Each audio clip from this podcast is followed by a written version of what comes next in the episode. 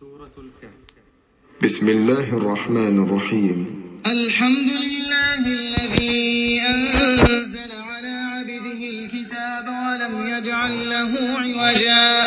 قيما لينذر بأسا شديدا من لدنه ويبشر المؤمنين الذين يعملون الصالحات ويبشر المؤمنين الذين يعملون الصالحات أن أجرا حسنا ماكثين فيه أبدا. وينذر الذين قالوا اتخذ الله ولدا. ما لهم به من علم ولا لآبائهم.